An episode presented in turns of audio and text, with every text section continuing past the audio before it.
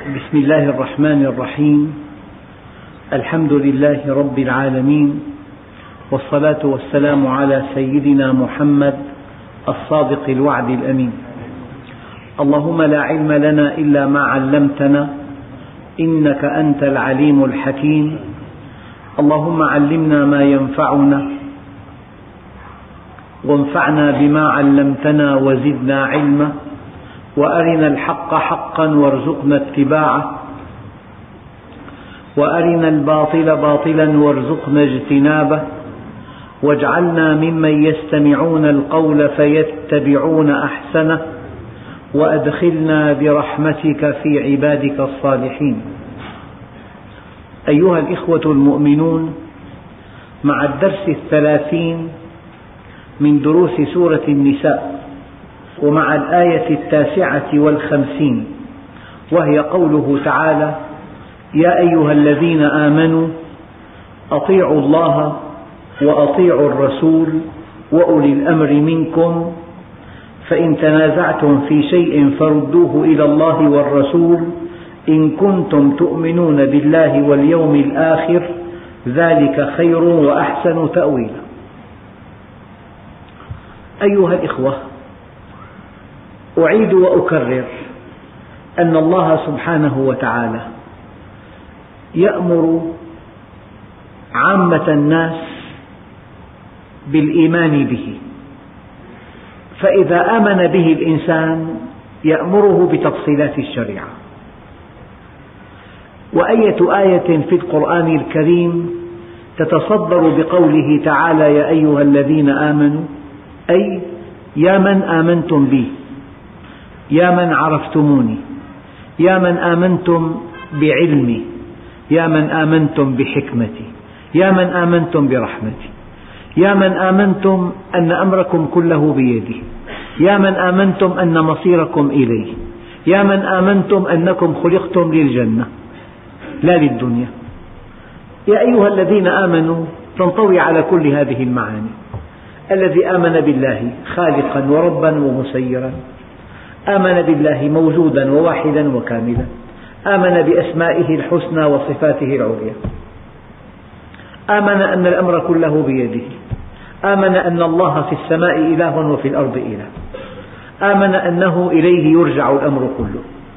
آمن أن سعادة المرء بالله وشقاءه بالله.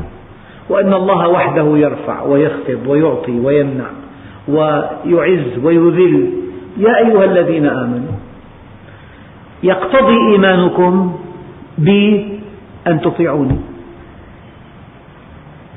يعني أنت ببساطة بالغة حينما تقتني حاسوب ويصاب بالخلل تذهب إلى من؟ بالتأكيد لا تسأل أمك الكريمة على أنك تحبها حبا جما لكنها أمية. لا تسألها عن طريقة عمل هذا الجهاز لا تسأل جارا لك يعمل في بيع الخضار مع أنك تحبه. لا تسأل إلا مندوب الشركة الخبير ببساطة ما بعدها بساطة. أنت في آلة تحرص على سلامتها وأداء عملها وإنجازها.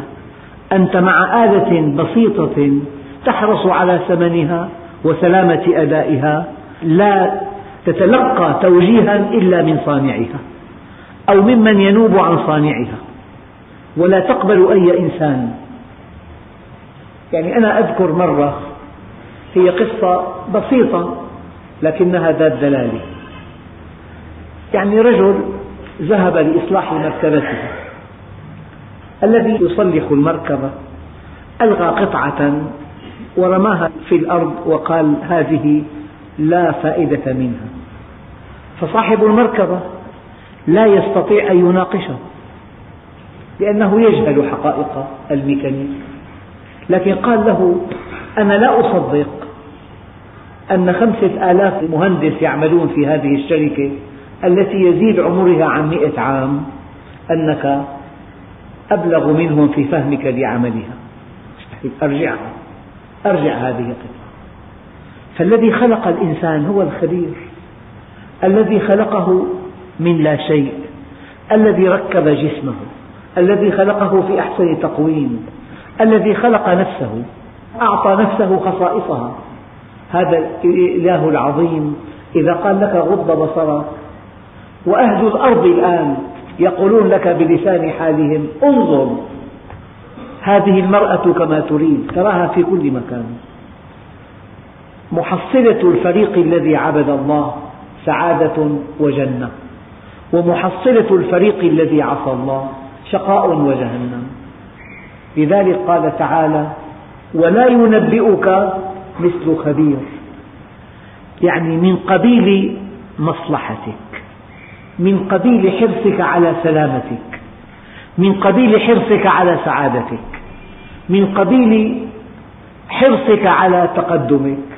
ينبغي أن تطيع الله عز وجل. يعني يا أيها الذين آمنوا يقتضي إيمانكم أن تطيعوني. انطلاقا من حبك لذاتك. من حبك لسلامة ذاتك.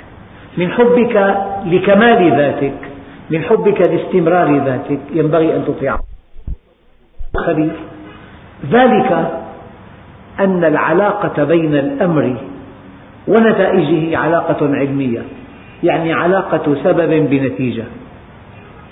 في الأديان الوضعية قد لا تجد علاقة بين الأمر وبين نتائجه. حركات وسكنات وتمتمات وطقوس لا معنى لها. ولا علاقة لها بالحياة إطلاقا. أما في هذا الدين العظيم أمرك أن تكون صادقا ونتائج لا تعد ولا تحصى. إن الصدق يهدي إلى البر وإن البر يهدي إلى الجنة. وما يزال الرجل يصدق ويتحرى الصدق حتى يكتب عند الله صديقا. أمرك أن تكون صادقا.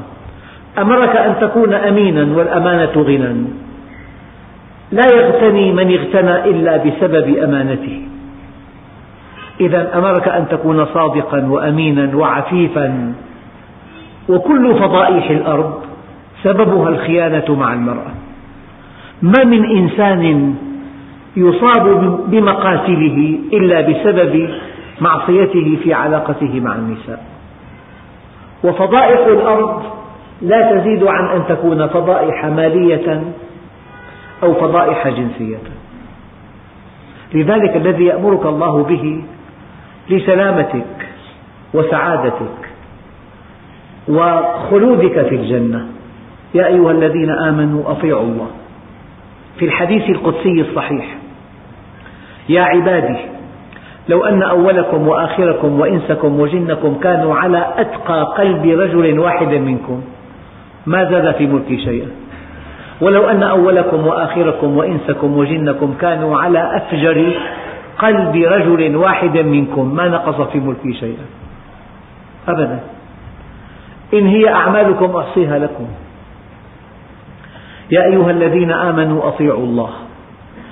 يجب أن تعلم علم اليقين أنك إن أطعت الله تحقق سلامتك وسعادتك. وإن عصيته تكون سببا في شقائك في الدنيا والآخرة. يا أيها الذين آمنوا أطيعوا الله وأطيعوا الرسول. أطيعوا الله لأنه الذي خلقكم. يا أيها الذين آمنوا اعبدوا ربكم الذي خلقكم. لأنه الخالق لأنه العليم لأنه الخبير لأنه الرحيم لأنه خلقكم لجنة عرضها السماوات والأرض لأنه خلقكم ليسعدكم. إلا من رحم ربك ولذلك خلقهم خلقهم ليسعدهم. في موضوع دقيق جدا حينما ينفي النبي صلى الله عليه وسلم عن أن يكون الشر منسوبا إلى الله. يقول عليه الصلاة والسلام والشر ليس إليك. ما هو الشر؟ الشر مختص بمخلوقين اثنين هما الإنس والجن. لأنهما مخلوقان أودعت فيهما الشهوات. أعطيا عقلا أعطيا منهجا. ما هي السلامة؟ أن تتحرك بشهواتك وفق منهج الله عن طريق المقود الذي هو عقلك. والمثل بسيط تركب مركبة فيها محرك وفي طاقة في شهوات وفي روح قوة محركة. هذه المركبة بالمحرك والطاقة تندفع. الاندفاع أعمى. مهمة العقل أن يوقع حركة هذه المركبة على الطريق المعبد. فتنتقل بهذه المركبة إلى أهدافك البعيدة وأنت في راحة ويسر. أما إذا تعطل المقود والطريق فيه منعطفات كثيرة والمحرك مندفع فالحادث حتمي حتمي. أي أن أي إنسان عطل عقله وانطلق بشهواته لا بد من أن يرتكب المعاصي. والمعاصي في معظمها معاص في كسب المال ومعاص في العلاقة بالنساء. إذا العقل مهمته أن يوقع الحركة على منهج الله. ومنهج الله هو شرع الله. والحسن ما حسنه الشرع والقبيح ما قبحه الشرع. لو أن هناك منهج وهناك مقود لكن ما في محرك. لا قيمة للمقود ولا قيمة للمنهج. من هنا قال الله عز وجل زين للناس حب الشهوات من النساء والبنين والقناطير المقنطرة من الذهب والفضة والخيل المسومة والأنعام والحرث. ذلك متاع الحياة الدنيا. فشهوات أودعها الله فينا. وعقل جعله الله أداة معرفته والسلامة. وشرع سنه الله لنا. وأنت مخير في النهاية. فتعريف الشر كائن أودعت فيه الشهوات. منح عقلا لم يستخدمه. منح منهجا لم يسر عليه. فلو استخدم عقله بلا منهج لا بد من الشقاء.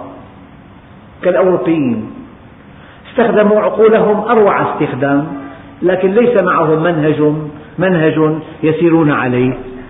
فزين لهم عقلهم الانحلال والفساد والعدوان وكسب الأموال اغتصابا وقهر الناس ظلما.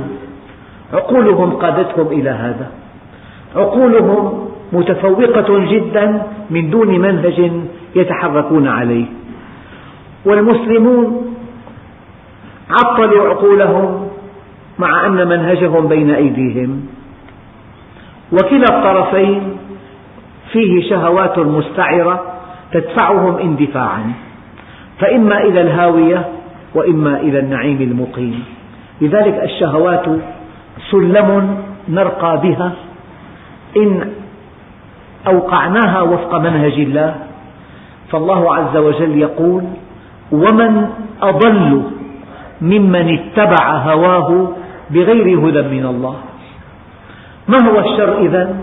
حركة اندفاع قوي بلا مقود أو بلا منهج أو من دون كليهما. هذا الشر. يعني مركبة مصنوعة في أعلى مصنع. لو أن الذي يقودها لو أن الذي يقودها شرب الخمر وهوى في واد سحيق هل نقول هذا الشر من من صنع المعمل الذي صنع المركبة؟ مستحيل. هذا الشر ناتج عن سوء استخدامها. هذا الشر ناتج عن أن الذي قادها لم يتبع تعليمات الصانع وهي البعد عن السكر إذا والشر كما قال عليه الصلاة والسلام ليس إليك. مثل آخر. قد تضع على الطاولة مسحوقا من الملح ومسحوقا من السكر ومسحوقا من المواد المنظفة.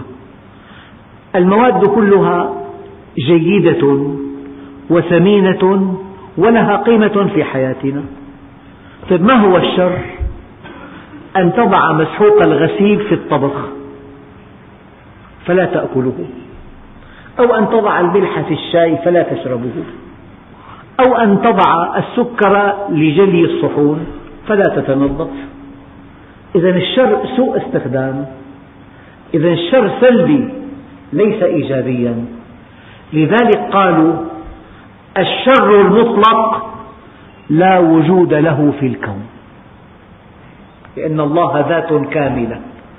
لكن في مخلوق الله عز وجل خلقه وكرمه ومنحه حرية الاختيار. وأودع فيه الشهوات ليرقى بها إلى رب الأرض والسماوات. أعطاه منهجا هو الشرع الحكيم وأعطاه عقلا ليكون مقودا له. عطل عقله أو ألغى شرعه. أو ألغى عقله وشرعه. واندفع بشهواته اندفاعا أعمى. لا بد من أن يقع في العدوان. أبدا. مستحيل. وألف ألف ألف مستحيل. أن تنطلق بقوة شهواتك من دون منهج ومن دون عقل دون أن تعتدي على الآخرين. وهذا الذي ترونه كل يوم وتسمعونه. قوة طاغية. وشهوات مستعرة. واندفاع أعمى. لا بد من أن ينهبوا ثروات العالم. لا بد من أن يعيشوا على حساب بقية الشعوب. لا بد من أن يغتنوا على إفقار الشعوب. لا بد من أن يطمئنوا على إخافة الشعوب. لا بد من أن يبنوا مجدهم على أنقاض الشعوب. أبدا. مستحيل أن تندفع بقوة الشهوة من دون منهج ومن دون مقود. يعني من دون عقل يردعك ومن دون منهج تسير عليه إلا وأن ترتكب الجرائم تلو الجرائم دون أن تشعر. أبدا. فالشر لا يكون إلا من مخلوق أعطي الاختيار. وضعت فيه الشهوات وضع له منهج أعطي العقل.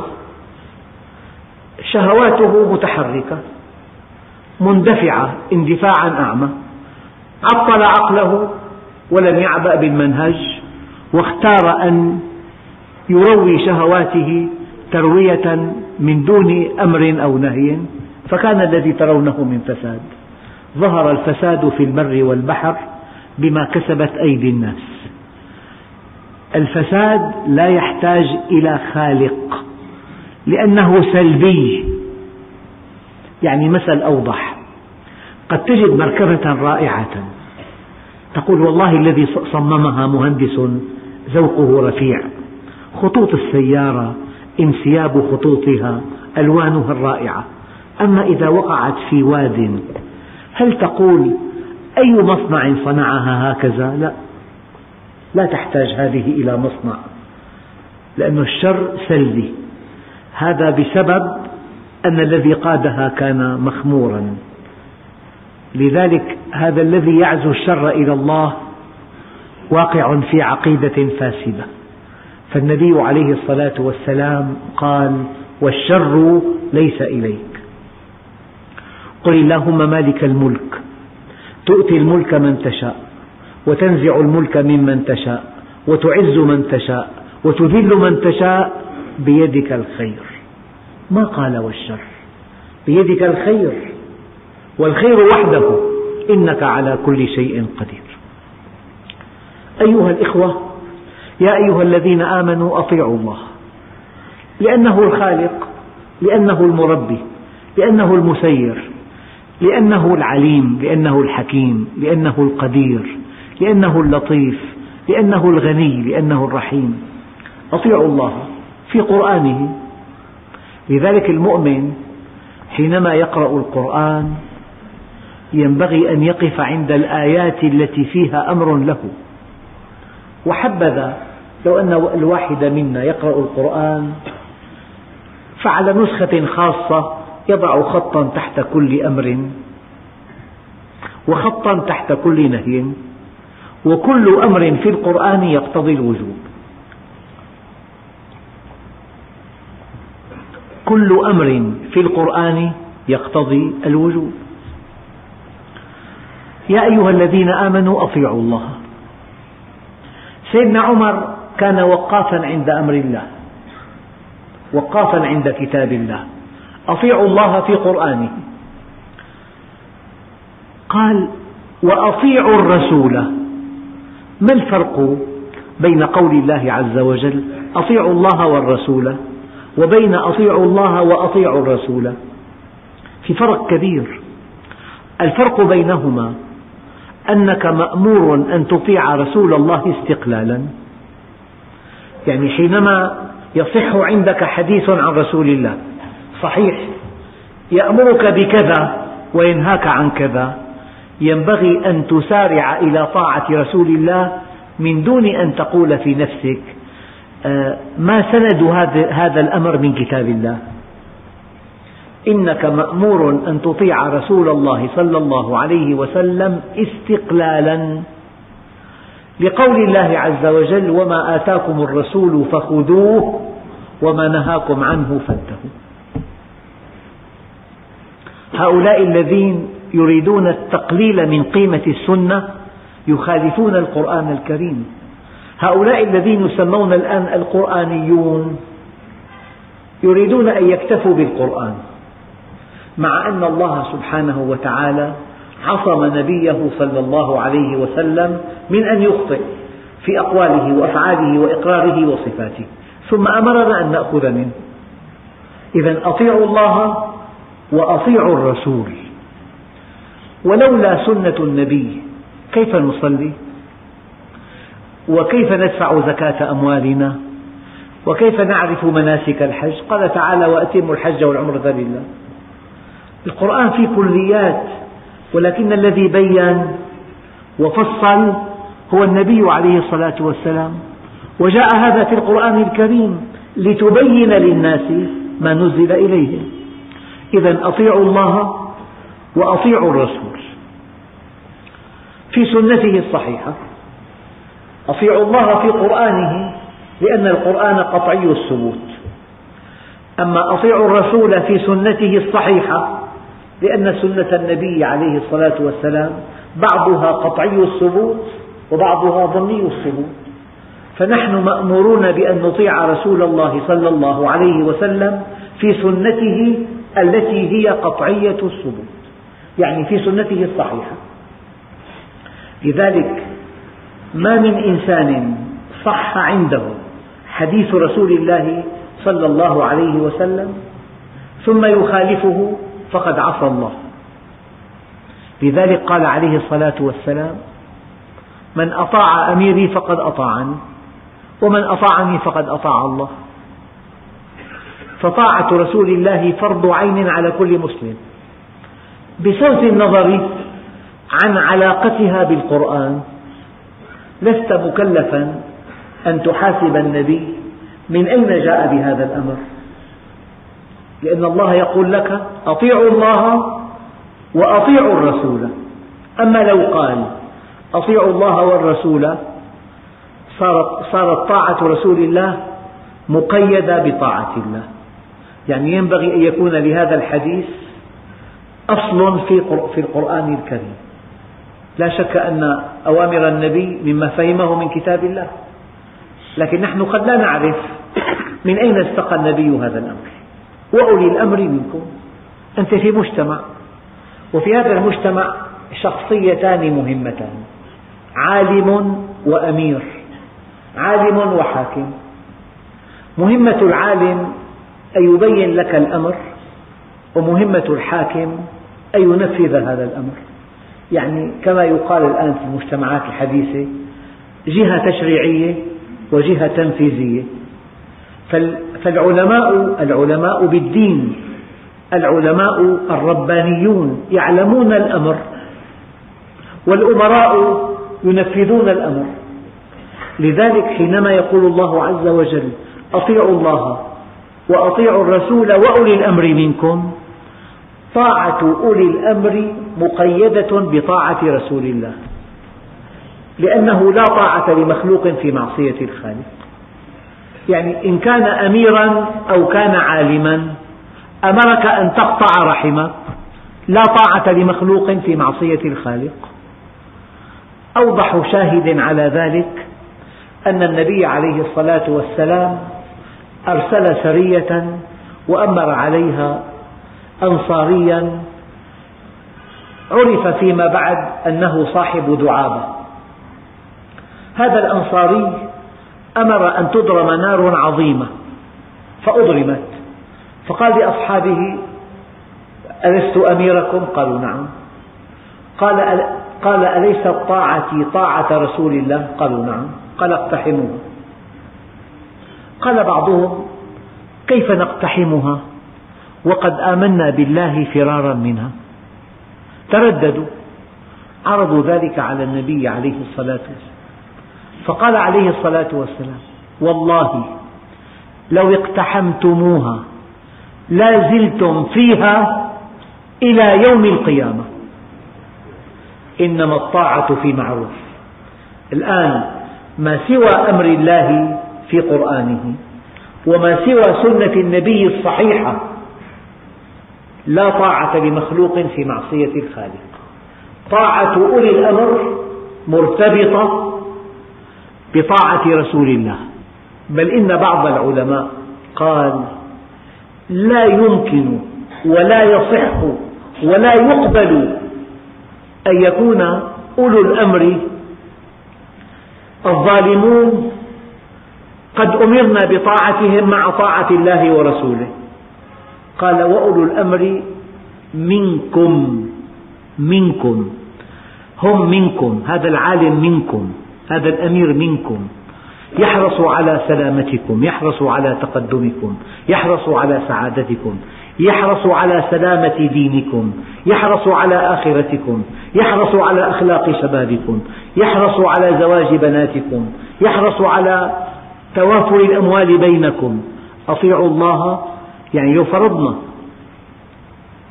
مواطن في فلسطين. من هم أولو الأمر هناك؟ اليهود. فهل لو قرأ هذه الآية هو ملزم أن يطيع أولي الأمر؟ ليسوا منهم. هم أعداء. هم خصوم. أرادوا ابتزاز أموالهم ونهب ثرواتهم وإذلالهم وهدم بيوتهم. يعني لا يمكن إلا أن يكون أولو الأمر. المعنيون في هذه الآية منكم. هم منكم. من جبلتكم منكم وإليكم. أطيعوا الله وأطيعوا الرسول وأولي الأمر منكم.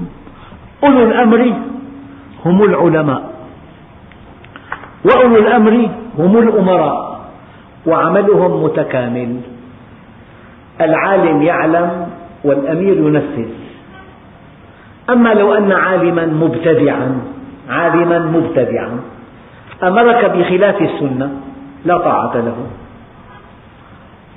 ولو أن له اسم كبير لا قيمة لهذا الاسم. نعرف الرجال بالحق ولا نعرف الحق بالرجال. يعني الآن دخلنا بموضوع ثاني. أطيعوا الله قطعا بقرآنه القطعي. أطيعوا رسول الله في في تحفظ بسنته الصحيحة. بسنته الصحيحة. القرآن قطعي الثبوت أما السنة قطعية الثبوت وظنية الثبوت. فحينما يأمرنا الله عز وجل أن نطيع رسوله بسنته الثابتة الصحيحة. لذلك لو بقينا في الصحاح لما اختلفنا. كل الفرق الضالة تعتمد على أحاديث ضعيفة أو موضوعة. لو اجتمعنا على صحيح السنة لما اختلفنا. أبدا. أطيعوا الله وأطيعوا الرسول. أطيعوا الله استقلالا وأطيعوا رسوله لأنه معصوم. استقلالا. لكن أولي الأمر هم العلماء. فالعالم المبتدع لا طاعة له. ما أكثر من يبتدع في الدين. إما في العقيدة أو في العبادات. كل محدثة بدعة وكل بدعة ضلالة وكل ضلالة في النار. فالعالم الذي يبتدع لا طاعة له. والأمير الذي يعطيك أمرا لا علاقة له بالدين أو مخالف للدين أيضا لا يطاع. لا طاعة لمخلوق في معصية الخالق. يروى أن والي البصرة كان عنده عالم جليل وتابعي عظيم هو الحسن البصري. ومن غرائب الصدف أنه في أثناء جلوس هذا التابعي الجليل جاءه البريد من الخليفة من يزيد. وفي هذا البريد أمر لا يرضي الله. وقع هذا الوالي في حرج شديد. إن نفذ هذا الأمر أغضب الله. وإن لم ينفذه أغضب الخليفة وربما أزاحه من عمله أو انتقم منه. وعنده الحسن البصري فقال يا إمام ماذا أفعل؟ يعني كلاهما مر هما أمران أحلاهما مر إما أن يغضب الله فيستحق جهنم وإما أن يغضب الخليفة فيستحق السجن. ماذا أفعل؟ أجابه إجابة والله لا أرتوي منها. أجابه إجابة تكتب بماء الذهب. قال له اعلم أن الله يمنعك من يزيد ولكن يزيد لا يمنعك من الله.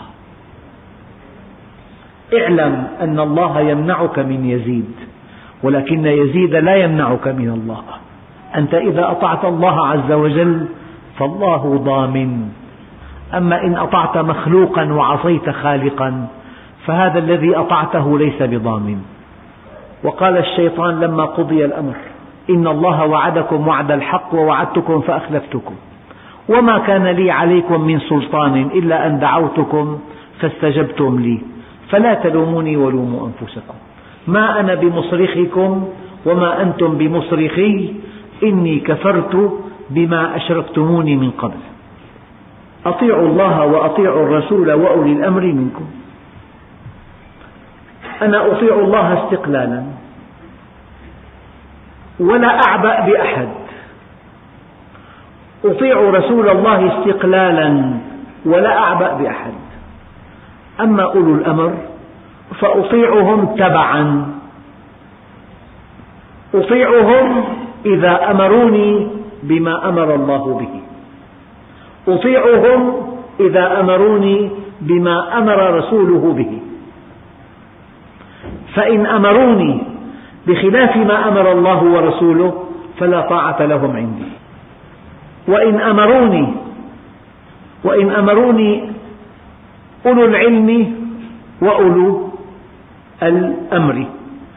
بخلاف ما أمرني الله ورسوله فلا طاعة لهم عندي. وهذا ملخصه في قول النبي لا طاعة لمخلوق في معصية الخالق. أطيعوا الله وأطيعوا الرسول وأولي الأمر منكم. انتهى. الآن فإن تنازعتم في شيء. صار في خلاف مع من؟ ممكن يكون النزاع مع أمر الله عز وجل؟ مستحيل. مع سنة النبي مستحيل. معصوم لا النبي معصوم والله عز وجل كماله مطلق فالنزاع محصور حتما مع من؟ مع أولي الأمر مع العلماء والأمراء فإن تنازعتم في شيء من هو الحكم؟ قال فردوه إلى الله والرسول بربكم لو أن قضية تنازعنا فيها وجاءنا أمر إلهي أن نرد هذا النزاع إلى الله في قرآنه أو أن نرده إلى النبي في سنته. ثم اتجهنا إلى القرآن فلم نجد شيئا متعلقا بهذا الموضوع. ثم اتجهنا إلى السنة فلم نجد شيئا يتعلق بهذا الموضوع. هل يعقل هذا؟ هل يعقل أن يحيلنا الله إلى قرآن لا نجد فيه بغيتنا أو أن يحيلنا الله عز وجل إلى سنة نبيه ثم لا نجد فيها بغيتنا؟ مستحيل. هذا لا يقبل أن يحيلك الله إلى لا شيء. معنى ذلك أنه ما من مشكلة يعاني منها المجتمع البشري من آدم إلى يوم القيامة إلا وفيها حل في كتاب الله وحل في سنة رسول الله. قطعا لا يمكن أن نحال إلى لا شيء. لو أن إنسان اختلف مع إنسان في إعراب كلمة وقال اذهب إلى الكتاب الفلاني ففيه الجواب فتح ما في شيء. معنى الذي أحالك إليه لا يعلم. المحيل هنا من؟ هو الله. قال لك فإن تنازعتم في شيء فردوه إلى الله والرسول. يعني لا بد من أن تجدوا في القرآن وفي سنة النبي جوابا وحلا لكل مشكلة. وما من مشكلة تعاني منها البشرية اليوم إلا بسبب مخالفة لما في الكتاب والسنة. هذا كلام قطعي. ما من مشكلة كبرت أو صغرت. يقول لك الحرب قد تطول عشر سنوات وفي حرب دارت بين دولتين إسلاميتين بقيت ثماني سنوات. أحرقت الأخضر واليابس. ماذا في القرآن؟ بالقرآن في أشهر حرم يمنع فيها القتال. إذا جاءت هذه الأشهر توقف القتال لا غالب ولا مغلوب. الكرامة موفورة. ذاق الناس طعم السلم بحثوا عن السلم لو أنهم أطاعوا الله حينما اجتاحت دولة إسلامية دولة إسلامية. احتكمنا إلى الغرب. فجاءوا وقبعوا على أرضنا. القرآن ليس كذلك. قال وإن طائفتان من المؤمنين اقتتلوا فأصلحوا بينهم. فإن بغت إحداهما على الأخرى فقاتلوا التي تبغي. ينبغي أن يجتمع المسلمون وأن يدعوا هؤلاء الذين بغوا إلى أن يعودوا عن بغيهم. فإن أبوا نحاربهم جميعا.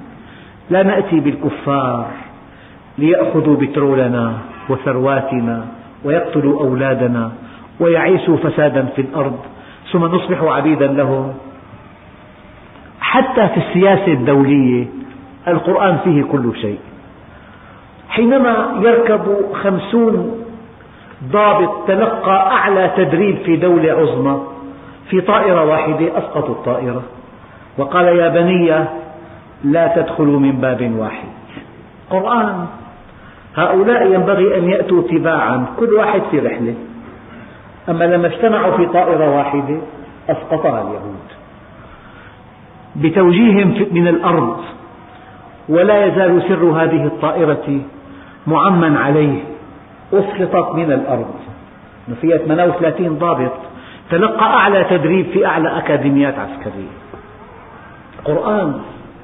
يا أيها الإخوة الكرام ما من مشكلة يعاني منها البشر اليوم؟ إلا وفي القرآن حل لها وفي السنة حل لها. إذا فإن تنازعتم في شيء فردوه إلى الله والرسول. بشرط إن كنتم تؤمنون بالله واليوم الآخر. إذا الإنسان آمن بالدنيا آمن بالمال لا يرجع مشكلاته إلى الله ورسوله يرجعها إلى مصالحه.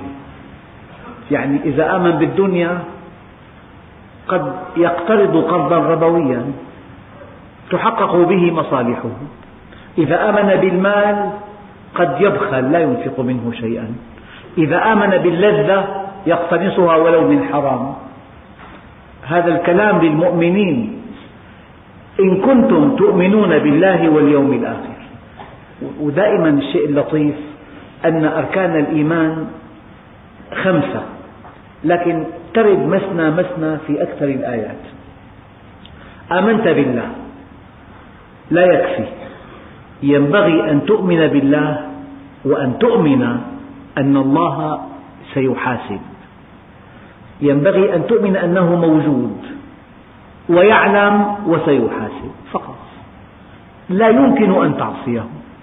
أوضح مثل راكب مركبتك الإشارة حمراء والشرطي واقف. وفي شرطي مع عجلات وفي سيارة فيها ضابط شرطة. وأنت مواطن عادي ما لك ولا ميزة. تمشي على الأحمر بيكون أحمر من هيك ما في. ما بتمشي على الأحمر الشرطي واقف وشرطي على العجلات واقف والضابط واقف وأنت مواطن عادي. أن وضع نظام السير علمه يطولك بهذا الشرطي. وقدرته تطولك بسحب الإجازة وأخذ السيارة. أليس كذلك؟ أنت بتعصي الأمر بحالتين. الساعة ثلاثة بالليل ما في شرطة أو أكبر من وضع نظام السير.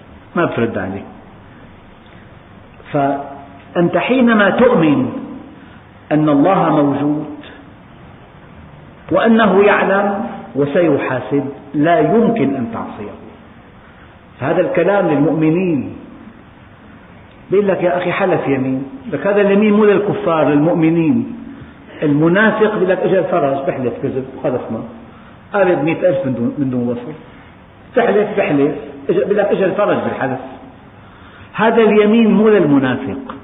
هذا اليمين للمؤمن فقط. يخاف الله يخاف اليوم الآخر. لذلك إن كنتم تؤمنون بالله واليوم الآخر إن كنتم تؤمنون بأن الله موجود ويعلم وسيحاسب واختلفتم مع علمائكم ومع أمرائكم ورجعتم إلى كتاب الله وسنة رسوله تلتزمون بها لأنكم مؤمنون. أما إن آمنتم بالدرهم والدينار آمنتم باللذائذ بالشهوات ترجعون إلى أهل الدنيا. لك في قوانين. أحيانا يكون الحق معك لكن القانون لا يعطيك هذا الحق. ماذا يفعل معظم الناس؟ يلتجئون إلى المشايخ. أحيانا يكون الحق مو معك. لكن القانون يعطيك هذا الحق. تلجأ إلى القانون. فأنت مؤمن بمن؟ إن كنت مؤمنا بالله واليوم الآخر ترجع إلى ما في القرآن والسنة من حل حاسم لمشكلتك. تختلف امرأة مع زوجة في أمريكا. تعرض أمرها على قاض أمريكي. لماذا؟ لأن هذا القاضي سيحكم لها بنصف ثروة زوجها. أما القاضي المسلم يحكم لها بالمهر فقط. لأنها مؤمنة بالدولار ترجع في قضيتها إلى من؟ إلى قاض ليس مسلما. قضية واضحة جدا. أنت لا تعود إلى حكم الله وحكم رسوله إلا إذا آمنت بالله واليوم الآخر. قال ذلك خير. الخير لك أن ترجع إلى حكم الله. هذا البيت ليس لك. شرعا ليس لك. القانون معك. ارجع إلى حكم الله. يعني فلاح فقير فقر مدقع عاش عمره أجير. أعطي أرض عشرين دنم. اختل توازنه من الفرح. ذهب إلى شيخه. قال له هذه أرض ليست لك. لا يجوز أن تتملكها بشرع الله.